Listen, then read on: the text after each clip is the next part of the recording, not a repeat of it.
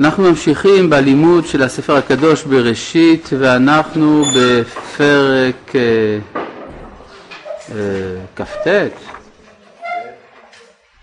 אה,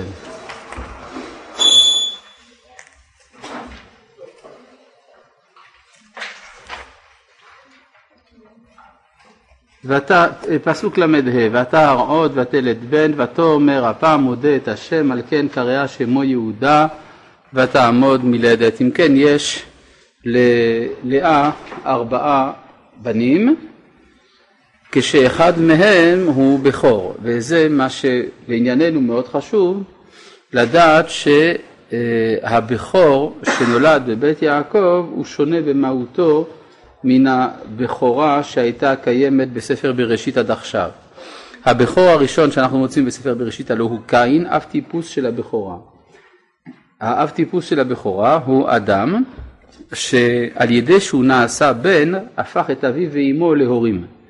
ובזה הוא אפשר לומר ברא אותם רטרואקטיבית עשה אותם ממקבלים לנותנים שזה מעלה עצומה של הידמות הנברא אל הבורא כפי שהסברנו בשיעורים הקודמים כולל השיעור הקודם ממש ומאז יש בעיה איזשהו תסביך לבכור שהבכור הוא מי שרוצה להרוג את אחיו כדי לחדול מלהיות אח ולחזור להיות בן. כי כאשר האדם הוא בן הוא מרכז ההוויה של הוריו וממילא של הקוסמוס כולו בעוד שברגע שהוא אח מרכז הכובד נמצא באחיו ולא בו. הדבר הזה הוא הפרה אפשר לומר של האיזון שהיה בקרבו עד אז הוצאתו מן היציבות בעצם נטילת כתרו. ולכן הבכור באופן טבעי הוא בעצם רוצח משום שהוא לא רוצה אח ולכן אה, יש איזושהי בעייתיות שחוזרת על עצמה בעניין הבכורה לאורך ספר בראשית, יפה שחייכו, והדבר הזה בא לידי ביטוי גם אצל מערכת, במערכת היחסים המסובכת בין עשיו ליעקב, כשעשיו כאיש שדה ממשיך את דרכו של קין הבכור ויעקב יושב אוהלים כלומר ממשיך את דרכו של הבל וקין רוצה להרוג את הבל דהיינו עשיו רוצה להרוג את יעקב. אלא שהפעם יש לקין טענה מוסרית כלומר מלבד הטענה העצמית שיש אצל קין שהאח נטל ממנו את היותו בן והפך אותו לאח כאן אצל עשיו זה יותר מורכב בגלל ההתפתחות התרבותית, התרבות, ההתפתחות ציוויליזציונית במשך הדורות. עשיו טוען שיעקב גנב, רמאי, ולכן יש לו, עשיו, עליונות מוסרית על אחיו. מכאן ואילך מוטל על יעקב להוכיח את עליונותו המוסרית הוא, ולכן הוא צריך להוליד טיפוס חדש של בכור, והוא מצליח לייצר, אפשר לומר, בכור מסוג חדש, הלא הוא ראובן. לפי מה שלמדנו, ראובן נקרא בש, אה, בשמו ראובן לפי איך שניתחנו את הפסוקים ולפי רש"י וחז"ל, בתור מי שבמקום לרצות להרוג את אחיו, אלא הוא חפץ להציל אותו. ראו מה בין בני לבין חמי, שחמי, הבן של חמי רוצה להרוג את אחיו, ואילו זה לא רק שלא רוצה להרוג אותו ולא מעורר עליו בכורה, אלא אפילו גם אה, רוצה להציל את אחיו. זה הבכור הראשון. אלא שזה לא כל כך פשוט הדבר הזה, משום שהאח שראובן עתיד להצילו הוא אפילו עוד לא נולד. וכאשר הוא ירצה להצילו, הלא הוא כבר נולד. ואז אם כך אפשר לומר, עדיין המבחן הוא לא מבחן מושלם, ולכן צריך להוליד בכור מסוג חדש. הבה נראה בפרק ל' פסוק א' ותרא רחל כי לא ילדה ליעקב ותקנא רחל באחותה. ותאמר אל יעקב הבה לי בנים ואם אין מתה אנוכי. וזאת אומרת שרחל הבינה שאין לה ייעוד בעולם אם, אלא, אלא להביא את עם ישראל לעולם, ולכן אם אין לה בנים, היא מתה. עכשיו השאלה באמת, דבר מאוד מוזר הבקשה הזאת, מה זה הבה לי בנים ואם אין מתה אנוכי? וכי זה תלוי ביעקב? הרי יעקב חי חיי אישות עם רחל, אז מה, מה בדיוק הבעיה כאן? ברור שאם היא צריכה לפנות למישהו זה לא ליעקב. אלא למי צריכה לפנות? לקדוש ברוך הוא, נכון? ולכן מובן מה שיעקב עונה, ויחר אף יעקב ברחל. ויאמר, התחת אלוהים אנוכי אשר מנע ממך פרי בטן? הטענה היא טענה נכונה, אבל לכאורה אה, יש, חייב, חייב להיות שיש גם היגיון בדברי רחל. אז זאת אומרת שאם רחל פנתה אל יעקב בלשון הבה לי בנים, סימן שהיא חשבה שיעקב הוא באמת תחת אלוהים.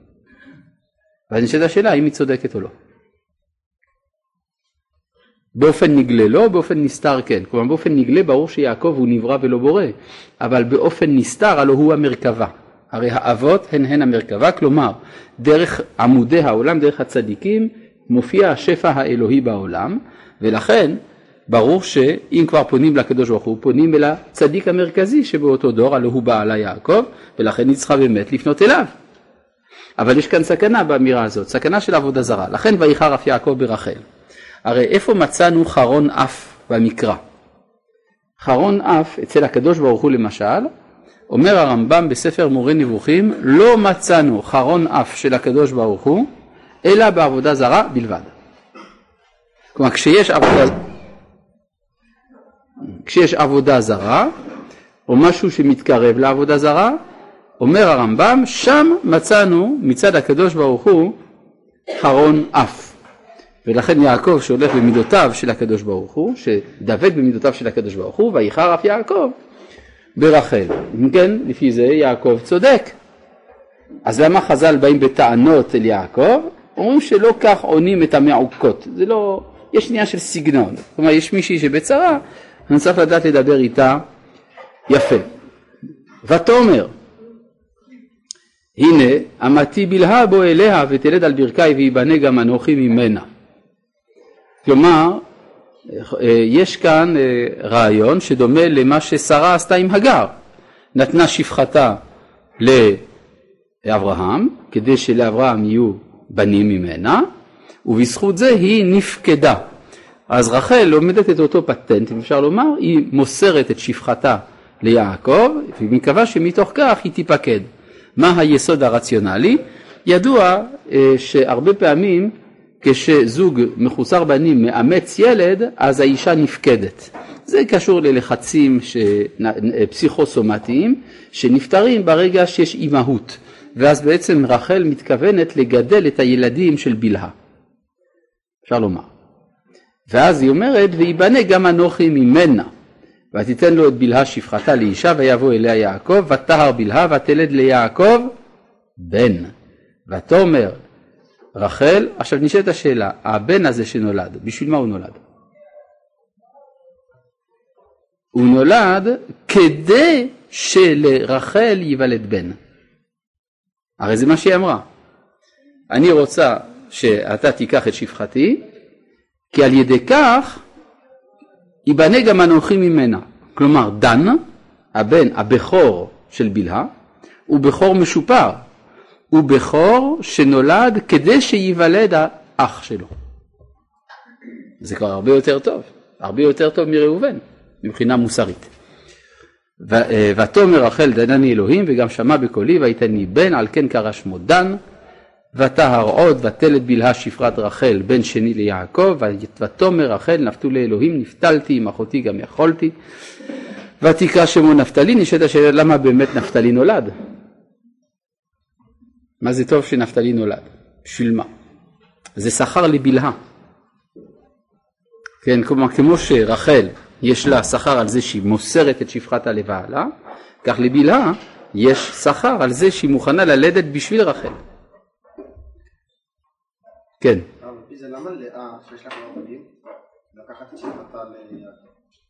אתה אומר, אם כך, לא מובן מדוע לאה שיש לה כבר בנים, לא נותנת את שפחתה ליעקב. איך אתה יודע שזה קרה? מניין לך זאת? איפה זה כתוב? בהמשך, אה, יש לנו כלל גדול בלימוד הזה, שאנחנו לא יודעים מה כתוב בפסוק הבא, נכון?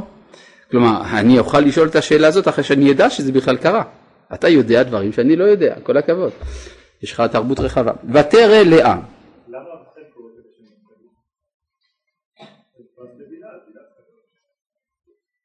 זה פרס לבלהה, ולכן בלהה צריכה לתת את השם. אז למה זה רחל שנותנת את השם? זאת השאלה. כן, הבנתי את השאלה. אתה רוצה תשובה? התשובה היא שאני לא יודע. לא יודע, תמצא אתה, מה אני צריך את הכל לעשות לבד? ותר אליה. כי עמדה מלדת ותיקח את זלפה שפחתה ותיתן אותה ליעקב לאישה והשאלה היא למה היא עושה את זה. אה, טעם של דז'ה וו. כן, למה בעצם אה, לאה נותנת את זלפה שפחתה ליעקב, הרי לה יש כבר ילדים, אה, היא לא במצוקה. אלא אפשר לומר, זה שעל ידי שהיא תיתן את שפחתה ליעקב וייוולדו לה ילדים, על ידי זה היא תמשיך להביא עוד ילדים, כן, ותרא אליה כי עמדה מלדת, אז היא רוצה עוד ילדים, אז היא נותנת את זלפה ליעקב כי היא ראתה שזה הפטנט שעובד כדי להביא בעצמך עוד ילדים, או ילדים או עוד ילדים. היא עושה קל וחומר, כלומר אם רחל שאין לה ילדים בכלל על ידי זה היא תיפקד, אז אני שכבר ילדתי ילדים קל וחומר שאפקד. אז זה מה שהוא אומר, ותיקח את זלפה שפחתה ותנתה ליעקב לאישה. אבל כאן יוצא לפי זה, שבעצם למה נולד הילד? מי זה הילד אגב? גד, כן איך אני יודע? כתוב בהמשך, ותלד זלפה, למדתי אפשר לקרוא לדעת על פי המשך, ותלד זלפה שפחת לאה ליעקב בן, ותאמר לאה בא גד, ותקרא שמו גד. ותלד זלפה שפחת לאה בן שני ליעקב, ותאמר לאה ואושרי כי ישורני בנות ותקרא את שמו אשר. יוצא לפי זה שגד נולד בשביל שייוולד יששכר, נכון? בעצם אפשר לומר שזה דומה קצת למה שקרה עם דן, אבל אצל דן זה שהוא נולד זה בגלל שהייתה מועקה, הייתה מצוקה. מצוקה של רחל מהווה באיזשהו מקום לחץ, קרוב להכרח. כן, כשאנחנו רואים מישהו סובל, אנחנו מרגישים מוכרחים לשחרר אותו מסבלו, רוצים לעשות משהו למענו. אצל לאה, זה שייוולדו לה עוד ילדים, זה אמנם נחמד, אבל זה פינוק. כן, הייתה יכולה לומר, הנה, זהו, נגמר, לא יכולה עוד להביא ילדים. אף על פי כן, היא רוצה עוד, יש לה טעם של עוד, היא רוצה עוד ילדים. יוצא לפי זה שגד הוא בכור מסוג שלישי, בכור שנולד בשביל שייוולד לו אח, אף על פי שאין בזה כל כך צורך. כלומר זה אפילו, הייתי אומר, מותרות. אז הוא עוד יותר נעלה מדן. אז בינתיים התקדמנו, יש לנו שלושה סוגי בכורות, שכולם מתקנים את הטענה המוסרית שיש לעשו נגד יעקב, הלא הם ראובן, דן וגד. מה? כן.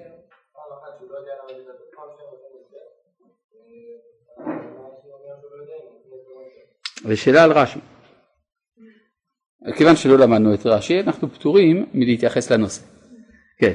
אה, פסוק י"ד: וילך ראובן בימי קציר חיטים וימצא דודאים בשדה ויבא אותם אליה עמו ותאמר רחל אל לאה תני נא לי מדודאי בנך ותאמר לה המעט קחתך את אישי ולקחת גם את דודאי בני. האמת היא זה מה? שאלה אם כל פעם השפחה נועדה לאפשר לאישה להוליד, אז למה כל פעם יש שתי בנים? מספיק אחד.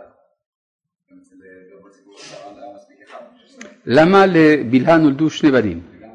ומדוע לזלפה נולדו שני בנים? לגבי בלהה אני חושב שאנחנו ענינו במהלך השיעור הזה עצמו. ככה נראה לי. אותו, אותה תשובה?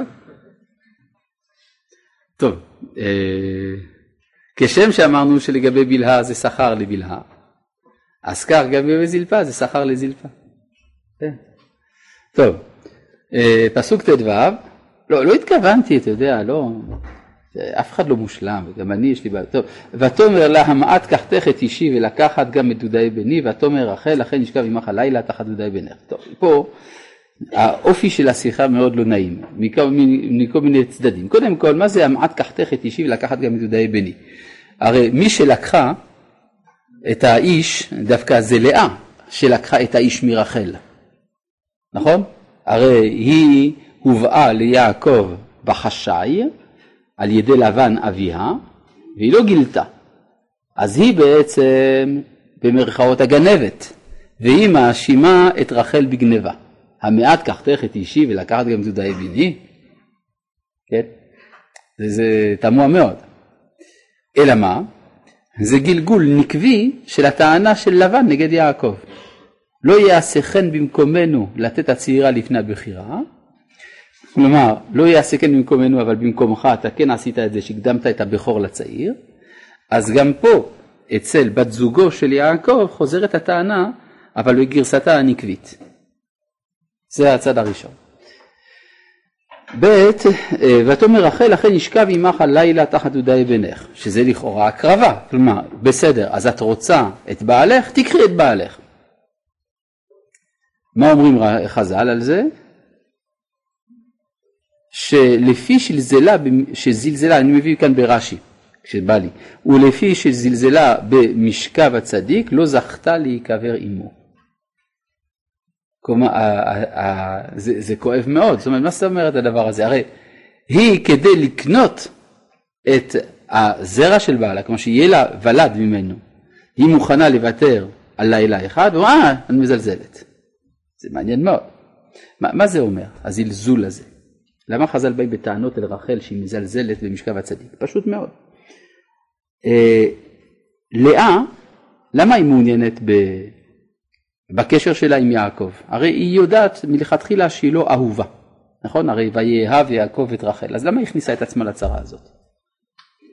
וירא השם כי שנוא עליה, למה בכלל הכניסה את עצמה לעניין הזה? כי יש לה אידיאל. לאה אידיאליסטית. אצל לאה, אצל לאה יש אהבה בעלת אופי רומנטי ביסודו, כן? ולכן אפשר לומר שהממד האידיאלי של הקשר עם הצדיק איננו ברור אצלה עד הסוף. לכן זה מה שנקרא זלזלה במשכב הצדיק. אצל רחל, כן, אצל רחל, זה מה שאמרתי. אמרתי לאה כל הזמן? לא יכול להיות.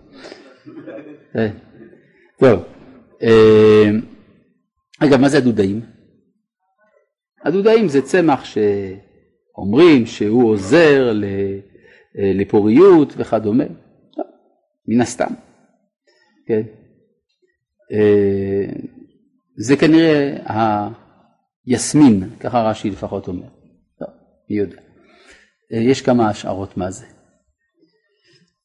ויבוא יעקב מן השדה בערב ותצא לאה לקראתו ותאמר אלי תבוא כי שכר שכרתיך ודאי בני וישכב עמה בלילה ההוא וישמע אלוהים אל לאה וטהר ותלד ליעקב בן חמישי ותאמר לאה נתן אלוהים שכרי אשר נתתי שפחתי לאישי ותקרא שמו יששכר וטהר עוד אגב היא הייתה יכולה להגיד שזה בשכר הדודאים שכור שכרתיך בדודאי בני ואז היא אומרת נתן אלוהים שכרי אשר נתתי שפחתי לאישי הייתה צריכה להגיד נתן אלוהים שכרי אשר שכרתי את אישי בדודאים.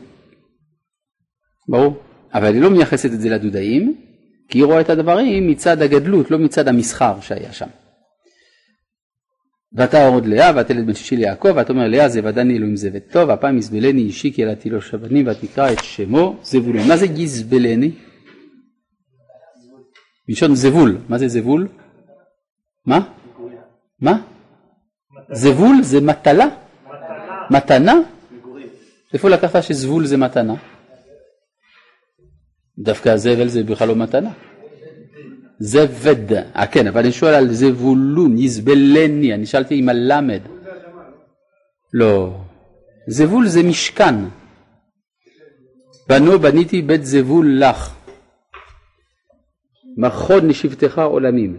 אז מה זה זבול? הכוונה שהוא ישכון אצלי, שהוא יהיה קבוע אצלי, זה הכוונה. כי הוא היה קבוע אצל רחל והיא רוצה אותו קבוע אצלה. ואחר ילדה בת ותקרא את שמה דינה. נשאלת השאלה, למה לא כתוב שהיא הרתה? היה צריך להיות כתוב ותהר ותלד בת. אה? למה לא כתוב ותהר? כנראה שהייתה תאומה, אז לא היה הריון נוסף, הייתה תאומה של זבולון. כן? עכשיו, אה, למה בכלל היא יולדת בת? זו באמת שאלה מעניינת. הרי אצל אברהם אבינו אה, לא הייתה לו בת, נכון? יש בזה שלוש דעות בחז"ל, ושלושת הדעות אומרות שלאברהם אבינו לא היה בת.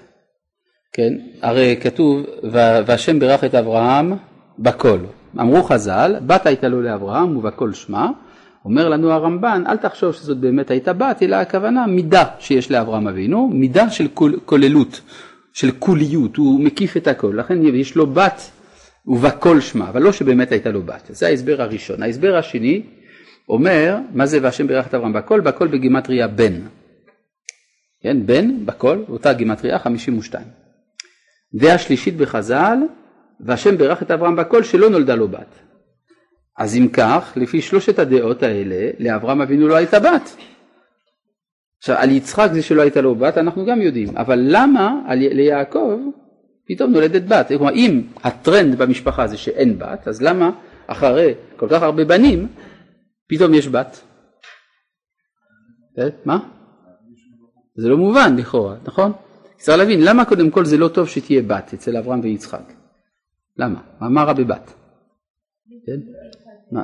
זהו, עם מי תתחתן? דיברנו על זה. זאת אומרת שכיוון שהזהות של האומה עוד לא נוצרה, והבת מביאה אלמנט מבחוץ, או יוצאת אל החוץ, אז זאת אומרת שתהיה שותפות של אלמנט חיצוני ביצירת הזהות הישראלית, כשהיא עדיין לא נוצרה. הדבר הזה אסור שיהיה, ולכן גם האימהות היו עקרות, זאת אומרת שלפי הטבע עם ישראל לא יכול להיוולד, אבל יש עקרות על מנת לייצר, אפשר לומר, יצירה חדשה, סטרילית, כן, תרתי משמע, שתוליד את האומה. אז למה עכשיו יש בת? כי יש כבר אומה. כלומר, היא הנועדת להוות את השבט השלוש עשרה בשיתוף פעולה עם אומות העולם. כן, וזה, אפשר לומר, זה הייעוד האוניברסלי שמתגלה דרך לאה, שהיא האימא של המלכות, של הכהונה ושל התנועה האוניברסלית, דינה. כל, הס... כל הסיפור של הקשר של דינה עם החוץ הוא קשר מסובך כפי שאתם יודעים וכפי שאנחנו נצטרך ללמוד לפרטי פרטים. כלומר באופן עקרוני אצל אברהם ויצחק לא יכולה להיות בת, אצל יעקב חייבת להיות בת כדי ליצור את הקשר עם אומות העולם. כן. מה? אין אומה עדיין, אבל דינה עוד לא גדולה. כן. שלושת החלקים יצאו אצל לאה,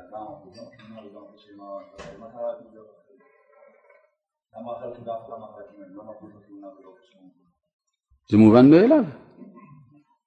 אני חוזר על השאלה שלך, מדוע אצל לאה אה, יש כל הדברים הגדולים האלה של כהונה, מלכות וקשר עם האנושות, ואצל רחל שום דבר מזה. נכון? אמרו רבותינו שהבריות היו אומרות שני בנים לרבקה, שני בנות, ללב, שתי בנות ללבן. הגדולה לגדול והקטנה לקטן. תודה רבה. כן, הגדולה לגדול והקטנה לקטן. זאת אומרת שעשו הוא הגדול, הוא האישיות הגדולה. מה שאין כן יעקב הוא קטן. במה הוא קטן? הוא כל כולו מכונס באוהל. איש תם יושב אוהלים, לא מסוגל לקחת יוזמה לצאת אל השדה. יוצא לפי זה שהגדלות נמצאת אצל לאה, ואצל רחל נמצאת הנטייה של ההתכנסות הפנימית. אז יש בזה קדושה יתרה, עקרת הבית נקראת. מה זה עקרת הבית? עיקר הבית. כלומר העיקר זה מה שבפנים, ולאה זה מה שכלפי חוץ. לכן הגדלות נמצאת אצל לאה, והקטנות אצל רחל. מובן מאליו, כן. למה צריך קשר עם האומות? אתה שואל בעצם למה הקדוש ברוך הוא אמר ונברחו בך כל משפחות האדמה? זה מה שאתה שואל, נכון? זו שאלה מעניינת. כלומר, אני הייתי שואל שאלה אחרת, למה הקדוש ברוך הוא בכלל ברא גויים? אתה יודע, אני גיליתי את זה, שהקדוש ברוך הוא הוא זה שברא את הגויים גם כן. הוא עשה את זה, אני אומר לכם, זה, זה שקושי גדול, אבל הוא עשה את זה. אני אגיד לכם יותר גרוע מזה, הוא לקח את עם ישראל ושם אותו באותו כוכב לכת שבו הוא שם את הגויים. איך הוא עשה דברים כאלה? אני הייתי שם את הגויים במאדים, את אה, ישראל בנוגה, כדור הארץ ריק, היה בסדר, ופתאום הקדוש ברוך הוא שם אותם ביחד, אז כנראה שיש לו תוכנית, מהי התוכנית? הן עם לבדד ישכון ובגויים לא יעלה בחשבון, לא יתחשב כאן שאינו נכנס בחשבון של הגויים, ואז הוא יכול להעלות את אומות העולם מכוח נבדלותו מהם. ברור. בבקשה. כהונה זה תמיד מי שמטפל באחר, מה זה הכהן? הוא מטפל באחרים. לא משנה, הוא מטפל באחרים, זה כישרון. לצאת מן הקונכייה, אפשר לומר, לטפל באחרים. ולכן עם ישראל גם נקרא ממלכת כהנים, שהוא פועל על כל האנושות. גם המלך, מה המלך עושה? המלך לא עובד בשביל עצמו, המלך עובד בשביל אחרים. כלומר זה תפקידים ציבוריים. אה, ויזכור אלוהים, פסוק כ"ב, ויזכור אלוהים את רחל וישמע אליה אלוהים. ויפתח את רחמה. אז בסופו של דבר מה שעזר זה לא מסירת בלהה וזה לא מסירת זלפה ולא הדודאים ולא בטיח, אלא התפילה. וטהר, ותלת בן. אגב מצאנו דבר דומה, יש אה, בספר התנ"ך ספר הנקרא איוב. מכירים איוב? טוב, ספר מעניין. מלא מלא צרות. יש אדם שלא עשה כלום, צדיק גמור, נקי כיהלום, וכל הצרות שבעולם באות עליו. ממש לא פייר, לא בסדר, צדיק ורע לו. ואז הרעים שלו אומרים לו כל מיני טיעונים, בטח יש לך איזה חטא נסתר, או זה לטובתך, והקדוש ברוך הוא אוהב אותך, וכל מיני דברים כאלה, גלגול, הכל אפשרי שם. ואיוב אומר, אבל כואב לי. מעצבן כזה, הוא לא מקבל הסברים. כל ההסברים שנותנים לו, הוא דוחה אותם. יש לו מועקה פנימית, צרה נוראה. והם באים ונותנים לו הסברים? בסוף הקדוש ברוך הוא שואל אותו, בעצמו מתגלה אליו, הוא אומר לו איפה היית ביסדי ארץ, חולל היה לא תשמור, הידעת את ילדת יעלה סלע, אה, תעלה לוויתן בחכה, התיתן לסוס גבורה, אל תלבש צווארו רעמה. חמישים שאלות הקדוש ברוך הוא שואל את איוב. בלי תשובה. בסוף איוב אומר, טוב בסדר הבנתי הבנתי, כן? על כן אמאס וניחמתי על עפר ואפר. נו, ומה קורה? עדיין איוב עם כל הצרות שבעולם. הוא דיבר עם שלושת הרעים, ואליהו בלבל לו את המוח, והקדוש ברוך הוא נגלה אליו, ובסוף הוא עדיין עם כל הצרות. אז מה קורה בסוף? בסוף באים הרעים לבקש ממנו שיתפלל עליהם. והשם שב את שבות איוב בהתפללו בעד רעהו. כלומר, עד אז איוב לא ידע שאפשר להתפלל. ברגע שהתפלל, פתאום הכל השתנה. כלומר, הצרות באו כנראה כדי לפתוח את ליבו של איוב. וזה מה שכתוב כאן, ויזכור אלוהים את רחל וישמע אליה אלוהים ויפתח את רחמה. ותהה ותלת בן ותאמר אסף אלוהים את חרפתי ותקרא את שמו אסף. אז מה שהיה צריך להיות כתוב, לא? אם אסף אלוהים את חרפתי ותקרא את שמו אסף. הביטוי אסף אלוהים את חרפתי זה ביטוי אגואיסטי. אני מרוצה ממה שקרה לי. ותקרא את שמו יוסף, לאמור יוסף השם לי בן אחר. אהה, זה כבר מתחיל להיות מעניין. כל הבכורות שנולדו עד עכשיו, הם מטפלים באח שלהם, שהוא לא אח שלהם באמת. זה אח מאב, אבל לא אח מאם. ברגע שהאחווה איננה אחווה מוחלטת, ממילא גם התחרות איננה תחרות מוחלטת. כי מי שאיננו לגמרי האח שלי, אני לא לגמרי בתחרות איתו. אבל כאן יוסף הוא הבכור הראשון בהיסטוריה שנולד כדי שייוולד לו אח מאותה אם. זאת אומרת יוסף לכתחילה נולד בשביל בנימין. יוסף השם לי בן אחר. מה אומר רש"י? לא, קודם כל נקרא את דברי יעקב, פסוק כ"ה, ויהי כאשר ילדה רחל את יוסף, ויאמר יעקב אל לבן שלחני ואליך אל מקומי ולארצי. תראו רש"י.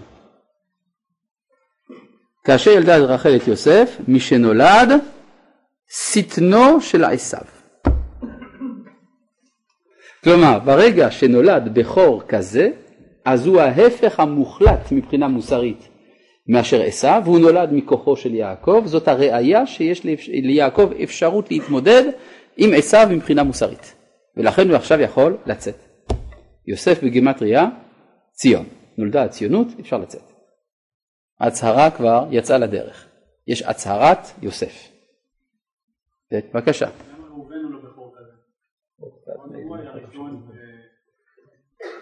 הוא היה ראשון שנולד כדי להציל את אחיו שכבר קיים, כי הרי זה מה שהוא עתיד לעשות. הוא לא נולד כדי שייוולד יוסף. דבר נוסף, זה אחיו לא, מאב, לא רק מאביו ולא מאימו, אז זה לא אחווה מוחלטת. אז ממילא גם התחרות איננה תחרות מוחלטת, כך שהניסיון הוא כל כך גדול.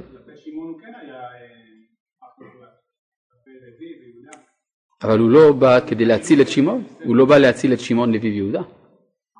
אדרבה, בתחום הזה הוא פישל בגדול. כן? כלומר, כל מה שהיה צריך להיות לו נמצא עכשיו אצל שמעון לוי ויהודה. כן. כן.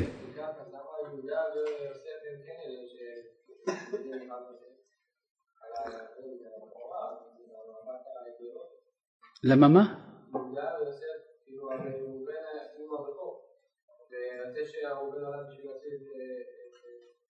הוא לא נולד בשביל, אבל הוא רוצה להציל את יוסף נגיד.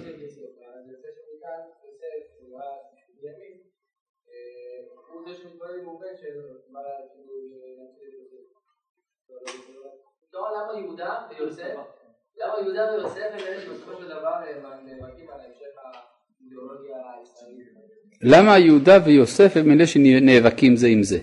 בגלל כמו שרחל ולאה נאבקות זו עם זו. בסדר. מה? איפה כתוב שהם נאבקים? אתה יודע. בהמשך. טוב. ויהי, כן, אני חוזר לפסוק כ"ה, ויהי כאשר ילדה רחל את יוסף, ויאמר יעקב אל לבן, שלחני ואליך אל מקומי ולארצי. יש איזשהו סימן שניתן בהיסטוריה מתי נגמר הזמן של הגלות. הרי יעקב נשלח למשימה של גלות. מי אמר לו שזה נגמר? מה, מה שאמר, מי שאמר לו שזה נגמר? זה ברגע שנולד מי שפותר את הבעיה שבגללה יצאנו. יש משהו דומה ברב קוק לגבי הבושה של הגולה. כן, למהלך העידות בישראל הרב קוק מסביר שכאשר אדם נתון לחטא, אדם שעשה חטא גדול, אז הוא מתבייש. ולמרות שהוא כבר התחיל לקבל את עונשו, אבל הוא לא גמר לרצות, כן? מה זה, אדם צריך לרצות את עונשו, מה זה לרצות? להפוך להיות מרוצה, רצוי לפני האחרים. וכל זמן שהרושם של העוון נמשך בנפש, אין כוח לאדם לקום מבושתו. ולכן גם אם לפעמים יצליח לקום בעזות מצח, מהר מאוד ישפל בקרבו, עד שהוא ירגיש שהוא שילם מספיק. מכאן לערך החשוב בנפש לעונשים. אדם שעשה דבר רע ולא נענש מרגיש רע מזה. כשהוא מקבל את עונשו פתאום מרגיש משוחרר. שילמתי, זהו, עכשיו אני בסדר, אני עכשיו יכול להקרין. אומר הרב קוק גם כן, כנסת ישראל איננה יכולה להיגאל כל זמן שהיא לא ריצתה את עונשה. אז עצם זה שבמאה ה-19, לקראת סוף המאה ה-19, כנסת ישראל הרגישה שיש לה את העזות הפנימית, את העוז לתבוע מדינה, זה בעצמו הסימן שנגמר העניין של הגלות. שאם לא כן לא היה העוז הזה. אז גם פה, ויהי כאשר ילדה רחל את יוסף, אז יעקב מרגיש פתאום ביטחון. זאת עכשיו הראייה שאני יכול להתמודד עם עשיו, ויאמר יעקב אל לבן שלחני ואליך אל מקומי ולארצי. כן.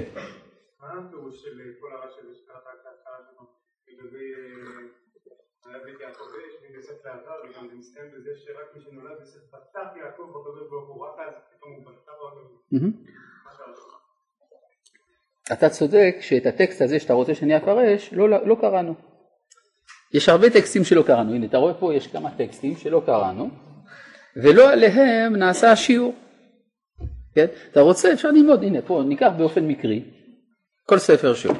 טוב, אה, ואז אה, תנא את נשי ואת ילדיי אשר עבדתי אותך בהן ואליך כי אתה ידעת את עבודתי אשר עבדתיך.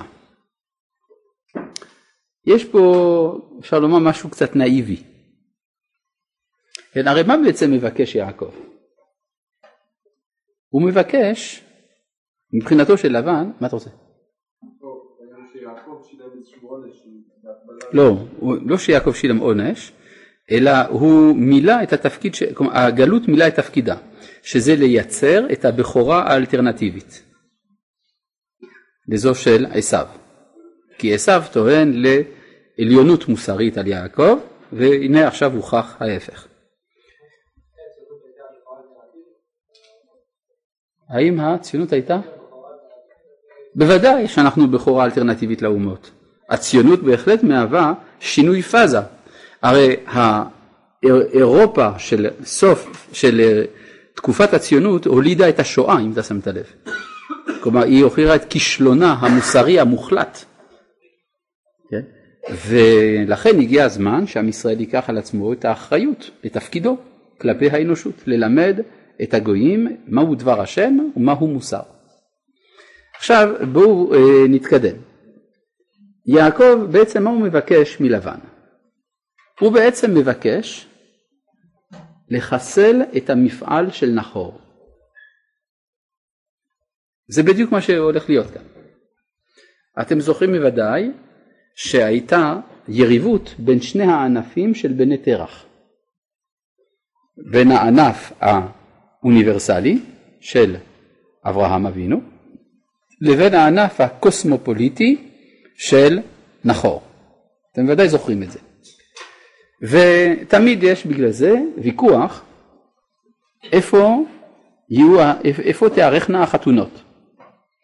אז של אברהם ונחור זה לא מסובך, כל אחד לקח פליטת שואה אחרת. כן? אברהם לקח את יסקה, נחור לקח את uh, מילכה, פליטות השואה של אור כסדים, הבנות של הרן, בעצם יש אפשר לומר תיקו בין שתי השיטות, בין השיטה האוניברסלית של אברהם הרואה את ההשפעה על העולם כולו מתוך המרכז הלאומי בארץ ישראל לבין השיטה של נחור שחפץ בהקמת קהילות עבריות בגולה ולהפוך בעצם את היהודים לארמיקאים, לארמים. ובין שתי השיטות האלה בינתיים יש תיקו בין אברהם לנחור. אחר כך בדור הבא רבקה, כל הדיון עם עבד אברהם זה אצל מי יגור הזוג. האם יצחק ירד לחוץ לארץ לגור עם רבקה, או שרבקה תעלה לארץ ישראל לגור עם יצחק. זה, על זה כל הסיפור. כלומר, כל הדיון בין המשפחות נוגע לנקודה הזאת. ההשב אשיב את בנך אל הארץ אשר יצאת משם. הישמר לך פן תשב את בני שמה. בזכות זה אברהם מנצח ואז יוצא שבימי יצחק זה שתיים אחד לטובת בית אברהם.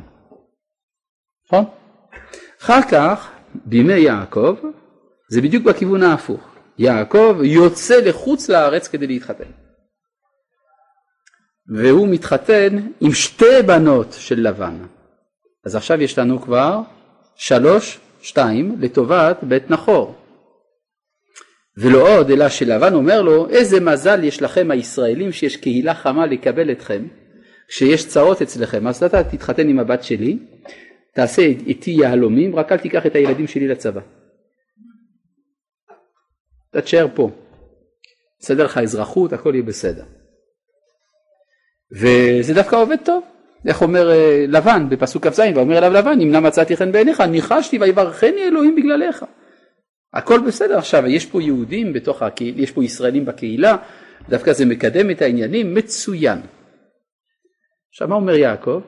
אני רוצה להרוס לך את כל זה. עכשיו אני רוצה לקחת את כל בית לבן, להביא אותם לארץ ישראל.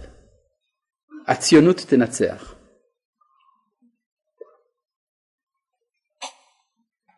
לבן אומר, אני אהרוג אותך.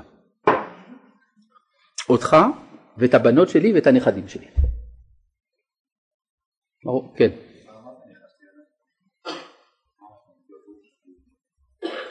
כן, אז רש"י כותב שם מה זה. תסתכל ברש"י. מה זה ניחשתי. כן, שני פירושים רש"י מביא, מספיק טוב. עכשיו, אה, אבל זה אומר עוד משהו. הרי מי מנסה להפיל את האדם הראשון? הנחש. אז כל אחד עכשיו תופס את המקום שלו.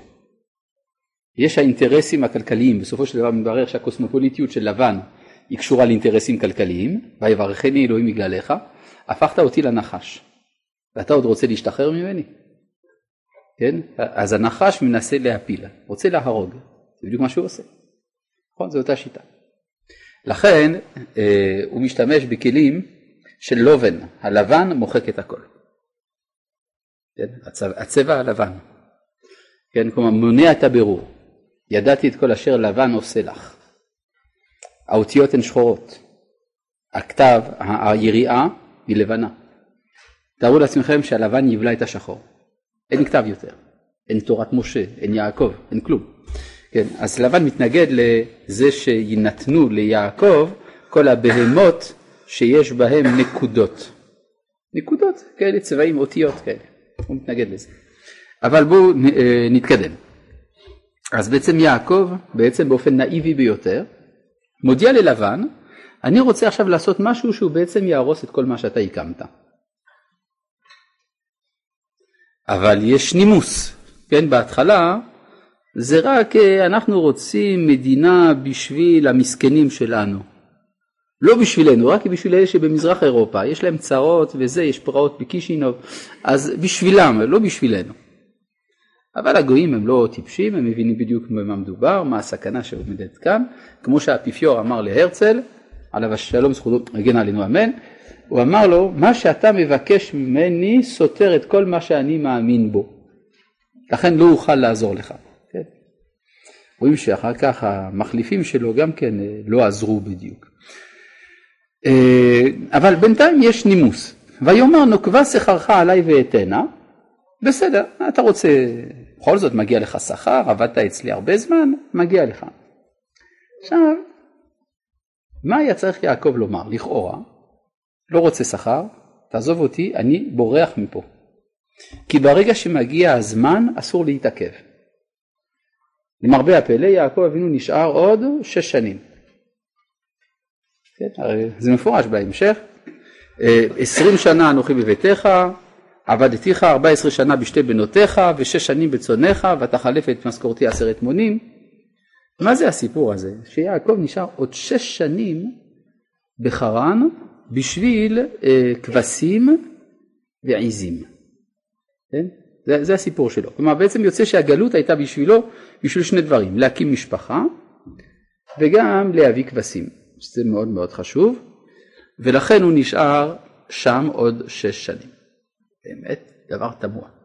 אנחנו רואים דבר מעניין לאורך ההיסטוריה, שכל פעם שעם ישראל יוצא מגלות, הוא קודם כל אה, עובר תקופה של אמנציפציה, של יציאה מן הדלות והשפלות למצב של מכובדות, של עשירות.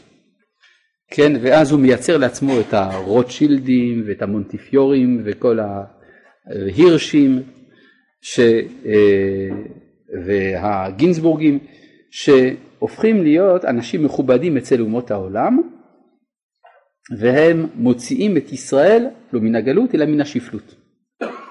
זה גמרא מפורשת במסכת ראש השנה, נכון?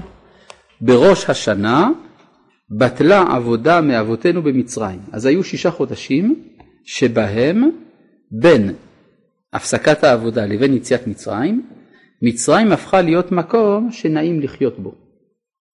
מה זה אומר? זה אומר שיש איזה שלב שבו היהודי שואל את עצמו, האם זה כדאי לצאת עם משה? עד עכשיו סבלנו ייסורים איומים תחת השלטון המצרי. אבל עכשיו אני שואל, ולכן היינו מוכנים גם לצאת אל המדבר ולו רק לברוח מן השוט. אבל עכשיו דווקא המצרים נחמדים ואפשר לעשות איתם עסקים. במדבר אין הרבה אפשרויות, ודאי שהבורסה שם לא משהו, אז אה, אולי כדאי להישאר במצרים.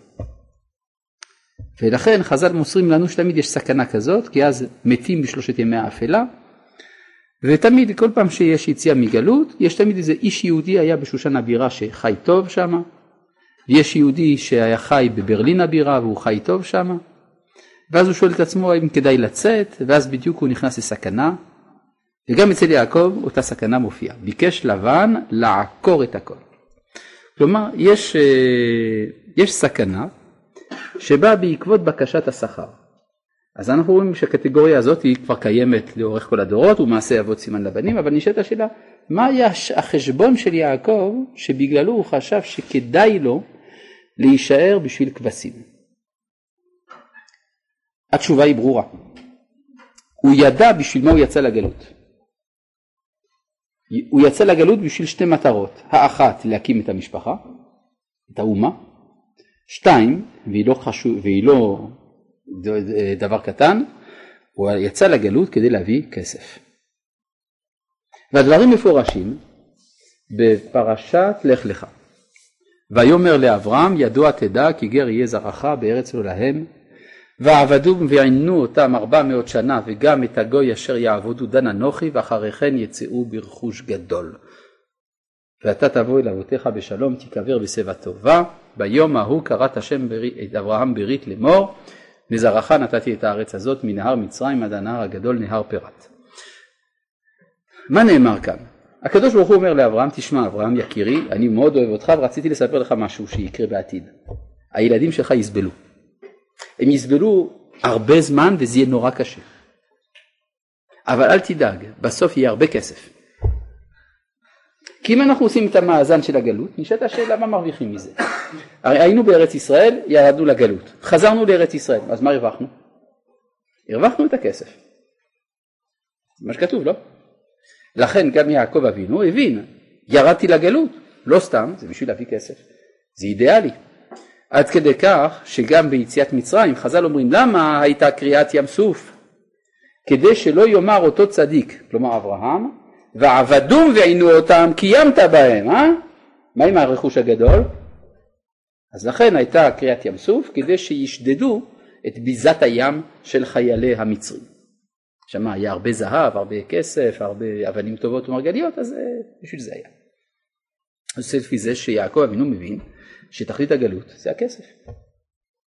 עכשיו אני רוצה להבין משהו, מה זאת אומרת שהתכלית של הגלות זה הכסף? בשביל מה בכלל יוצאים לגלות?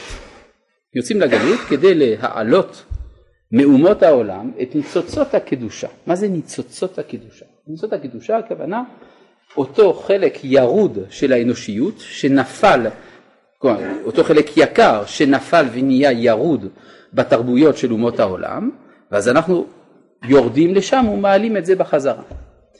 משל למה הדבר דומה? לזהב שהוצאנו ממצרים. מה עשינו עם הזהב שהוצאנו ממצרים?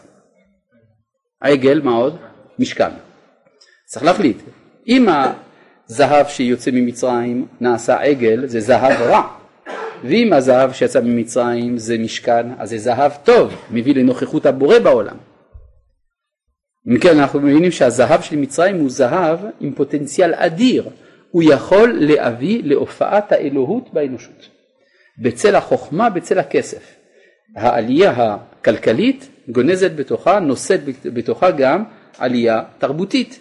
ואז יוצא שבמצרים זה כוחות אדירים, רק שהכוחות האלה מעורבבים. זה תערובת של זהב של עגל עם זהב של משכן. אי אפשר להשתמש בזה, זה פסול. צריך להביא את זה למעבדה. ואז מביאים את זה למדבר בתוך בני ישראל ושם עושים את ההפרדה. חלק מהזהב הולך לעגל, חלק הולך למשכן, הכל מסודר. יוצא לפי זה שאנחנו בני ישראל שפני ניסיון בניסוי אלוהי גדול בממדים של ההיסטוריה כולה. משתמשים בנו כדי לעשות בירור של הערכים. בכל דור ודור הערכים לובשים צורה אחרת. כשמדובר בעליית אירופה, למשל, הדמוקרטיה המערבית, האם הדמוקרטיה זה משטר טוב או רע? טוב, גם וגם, תלוי, מה עוד? אף אחד לא מבין. כל דבר שיש בו טוב יש בו רע, או כל דבר שיש בו רע יש בו טוב. בקיצור, זה מעורבב. אז מה עושים עם הדמוקרטיה? זורקים את זה לפח או, מעלי, או משתמשים בזה? עושים בירור, יש מה שנקרא מלחמת תרבות במדינת ישראל, בתוך מלחמת התרבות הזאת, בסוף מתבררים הערכים. ואז על כל חתיכת זהב של התרבות המערבית, יש כאלה שצועקים ואומרים תזרוק את זה, זה, זה, זה של העגל, לא רוצה את זה פה, השני צועק מה פתאום אל תזרוק, זה שייך למשכן, אסור לפספס את זה. כלומר הבירור נעשה כאן. אותו דבר עם הכבשים של יעקב, הכבשים של יעקב הם כבשים שנושאים בתוכם את שורשי נשמות האומה. חז"ל בראשית רבה עושים חשבון לגבי הצאן של יעקב, כמה צאן היה לו, כמה גמלים היה לו, כמה חמורים היו לו וכולי וכולי. בסוף המדרש שואל וכמה כלבים היו לו? ככה שואל המדרש, כמה כלבים היו לו? עונה המדרש, 600 אלף. יש לו 600 אלף כלבים. אה, בשביל מה יש כלבים? למה משמשים הכלבים? לשמור את הצאן. יוצא לפי זה שיש לו 600 אלף שמירות. כי יש לו 600 אלף נשמות שהוא צריך להביא לעולם. 60 ריבו.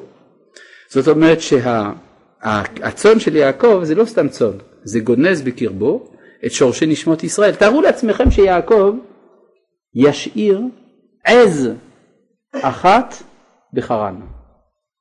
מה יקרה? הוא יצטרך לרדת שוב להביא אותה. והוא רוצה להיות בטוח שזאת הגלות האחרונה. ולכן הוא מוכרח להתעכב קצת. והוא חייב להתעכב אולי יותר מדי, כדי להיות בטוח שהוא לא מפספס כלום, והוא מוכן אם כן להיכנס לסכנה. אבל כאן, זאת אחת הבעיות, שכל פעם שיוצאים מן הגלות, דווקא הצדיקים, יש להם נטייה להישאר יותר ממה שצריך, כי דווקא הצדיקים מבינים את הערך האידיאלי של השהייה הזאת, כדי להעלות את הערכים הגנוזים באותה תרבות שממנה יוצאים, ורוצים שזה לא יהיה לפני הזמן. ולכן מתעכבים, יש סכנה. מה? הוא רוצה שזאת תהיה הגלות האחרונה. נכון, לאברהם נאמר גר יהיה זרעך בארץ העולם, וזה יתקיים. וגם את ה... ודור רביעי ישובו הנה. הוא דור רביעי, זהו, הוא הביא את הילדים, הוא דור רביעי.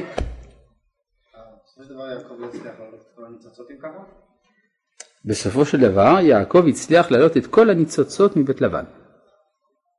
אבל מה שהוא לא ידע זה שאחרי תקופת האבות יש גם תקופת הבנים. וזה מה שהתברר לו אצל יוסף. ביקש יעקב אבינו לשבת בשלווה, וישב יעקב בארץ מגורי אביו, ביקש יעקב אבינו לשבת בשלווה, כלומר זאת תהיה התמצית של כל האמונה המשיחית, הציפייה המשיחית. הוא רצה כבר לחיות את ימות המשיח. כן? הוא חשב שנגמר, שנגמרה ההיסטוריה. כן. מה אתה אומר? הרב רומז שהרבנים שבגרמניה נשארו ולא עלו לארץ ישראל כי הם רצו האם אני רומז שהרבנים שבגרמניה נשארו בגרמניה כי הם רצו עדיין להעלות ניצוצות משם? זה לא רמז, הם אמרו את זה במפורש. כן, כלומר, אותם יהודים, לפעמים תלמידי חכמים, שהאמינו בסימביוזה התרבותית עם גרמניה, לא חשבו שגרמניה זאת מולדתם, אבל הם חשבו שיש שם משהו חשוב להעלות, ולא בכדי הם הקימו פה את האוניברסיטה העברית בירושלים, כהמשך של אוניברסיטת ברלין, כן, לפי אותן תבניות חשיבה. גם תלמידי חכמים, כן.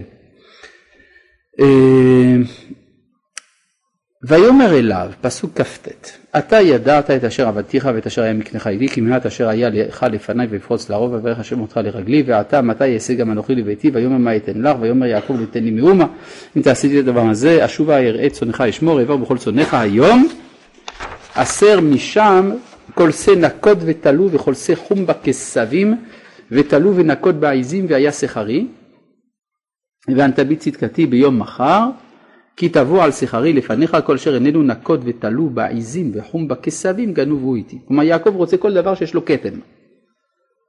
כן? הוא לא רוצה רקע לבן, אבל מה שעם כתם, את זה, את זה הוא רוצה.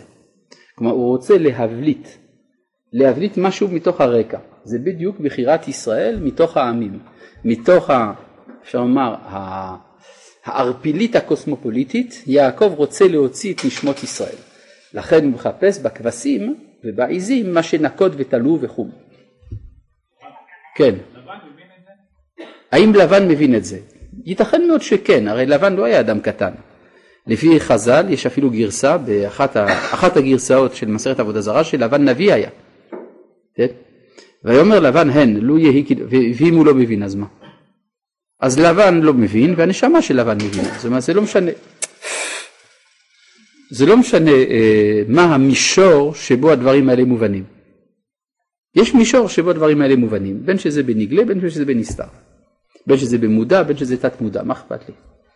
כן, אותה שאלה אתה יכול לשאול האם יעקב מבין שזה מה שהוא עושה. כן, אותה שאלה אתה יכול לשאול. מה זה משנה אם הוא מבין או לא? כן? זה כמו שתשאל מה זה משנה, כלומר האם באמת אה, בן גוריון מבין, מבין שהוא מחזיר את השכינה לציון. מה אכפת לי? הוא מחזיר את השכינה לציון, זה מה שהוא עושה. ויאמר לבן הן, לו יהי כדבריך. ויסר ביום ההוא את התיישים, העקודים והתילויים ואת כל העיזים, הנקודות והתילויות, כל אשר לבן בו וכל חום בכסבים, וייתן ביד בניו. למה הוא עושה את זה? אז הוא רוצה שיעקב לא, י... לא ילך. דבר מאוד תמוה, הרבה פעמים במדינות אנטישמיות השלטון שונא את היהודים, רק דבר אחד הוא לא רוצה זה שהם ילכו. לא רוצים שילכו. מה? הדוגמה הקלאסית בת זמננו, רוסיה הסובייטית, ששם הייתה אנטישמיות ושנאה גדולה ליהודים, ויחד עם זה לא רצו לתת להם לעלות לארץ. כי יש באיזשהו מקום הכרה שהברכה באה מהם. אז הם שנואים בגלל שהברכה באה מהם, והם אהובים כי הברכה באה מהם. וישם דרך שלושת ימים בינו ובין יעקב, יעקב רואה צאן לבן הנותרות, מה זה שלושת ימים? שלושת ימים בכל התורה כולה זה תמיד ההפרש בין ישראל לעמים. תחפשו, כל פעם שתראו שלושת ימים זה מורה על ההבדל בין ישראל לעמים. נכון. ויקח לו יעקב מקל נבנה לחבילוץ וערמון ויפצל בהן פצלות לבנות מחשוף הלבן אשר על המקלות ויצג את המקלות אשר פיצל ברהטים בשיקתות המים אשר תבואנה הצאן לשתות לנוכח הצאן ויחמנה בבואן לשתות ויחמו הצאן אל המקלות ותלדנה הצאן עקודים נקודים ותלויים והכסבים הפריד יעקב וייתן פני הצאן אל עקוד וכל חום בצאן לבן וישת לו עדרים לבדו ולא שתם על צאן לבן והיה בכל יחם הצאן המקושרות ושם יעקב את המקלות לעיני הצאן ברהטים להחמנה במקלות ובעטיף לו הצאן לא ישים והיה העטופים ללבן והקשורים ליעקב ויפרוץ האיש מאוד מאוד ויהי לו צאן רבות ושפחות ועבדים וגמלים וחמורים. כלומר מאוד מאוד חכם מה שעושה פה יעקב, הוא בעצם לוקח מקלות, מפצל בין פצלות לבנות, הוא זורק את המקלות האלה בשיקתות המים, בבוא הצאן ליחמנה במקלות, ואז הן יולדות עקודים נקודים ותלויים. אומר הזוהר, מה זה המקלות האלה שהוא זורק בשיקתות? זה הנחת תפילין שלו. כן, יעקב אבינו הניח תפילין, הרי הוא קיים כל התורה כולה, אז איך התפילין שלו נראות? זה המקלות האלה.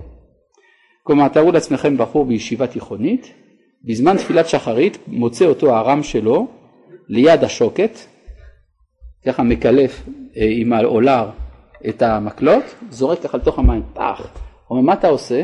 אני מניח תפילין, אל תפריע לי. כן? וזה, כן.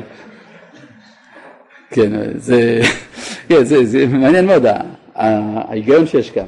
מה, מה הקשר בין זה לבין הנחת תפילין של יעקב אבינו? מה, מה, מה זה אומר הדברים האלה? קודם כל זה אומר דבר מאוד חשוב. זה אומר שכשאומרים שאבותינו קיימו את כל התורה כולה, ודאי שהם לא קיימו באופן שבו אנחנו מקיימים, אלא שהמעשים שלהם הם השורשים של המעשים שלנו. המצוות שלנו הם תולדה של ההתנהגות הטבעית שלהם. אבל מה הוא רצה יעקב עם המקלות האלה? הוא חושף את הלבן שבתוך המקלות. כלומר, יש הערה פנימית, נסתרת, שהיא נחשפת מתוך הטבע. כן, העץ זה הטבע, מתוך הטבע נחשף ממד אינסופי, לבן, וזה בדיוק התפילין. מה עושות התפילין? התפילין זה כתר על הראש של האדם, שדרכו נחשף הממד האינסופי של הנפש שלו. אז זה בדיוק אותו הדבר. וזה מה שמוליד בעולם הבדלים, ההבדלים של עקודים נקודים ותלויים, או ברודים. וזה בדיוק מה שיעקב עושה. או, ועל ידי כך הוא בעצם יוצא ממצרים, כמו שהתפילין שלנו הם זכר ליציאת מצרים, גם פה זה התחלה של היציאה של יעקב מבית לבן, ראשית הלידה של עם ישראל. טוב, פה יש הרבה מה להוסיף, אבל את זה נעשה בעזרת השם בפעם הבאה, שלום.